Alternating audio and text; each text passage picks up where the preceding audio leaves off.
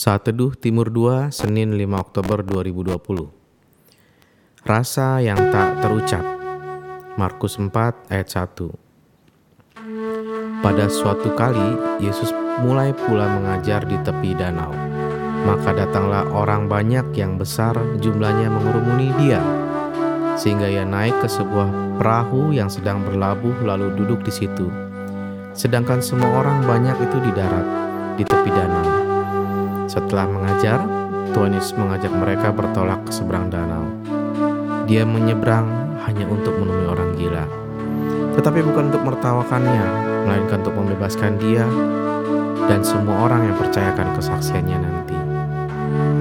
Markus 5 ayat 19-20 Yesus tidak memperkenankannya, tetapi ia berkata pada orang itu, Pulanglah ke rumahmu, kepada orang-orang sekampungmu, dan beritahukanlah kepada mereka segala sesuatu yang telah diperbuat oleh Tuhan atasmu dan bagaimana ia telah mengasiani engkau.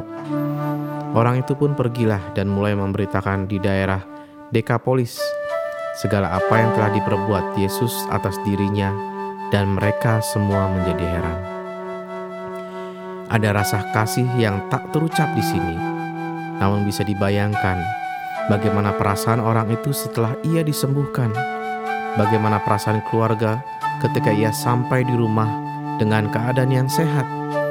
Setelah sekian lama sedih, malu, dan susah karena keadaan itu, siapa pun keluarganya, baik dia ayah, ibu, kakak, adik, ataupun anak dan istrinya, pasti merasakan suatu sukacita yang luar biasa.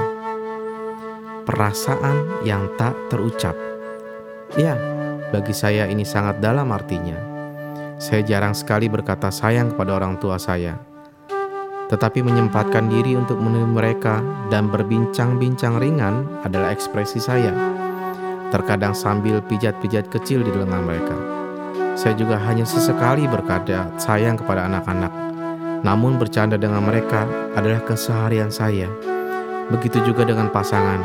Sebisa mungkin berbagi adalah kehidupan kami. Rasa sayang dan peduli Tuhan Yesus sangat luar biasa. Mungkin tak tertucap, terucap di cerita itu.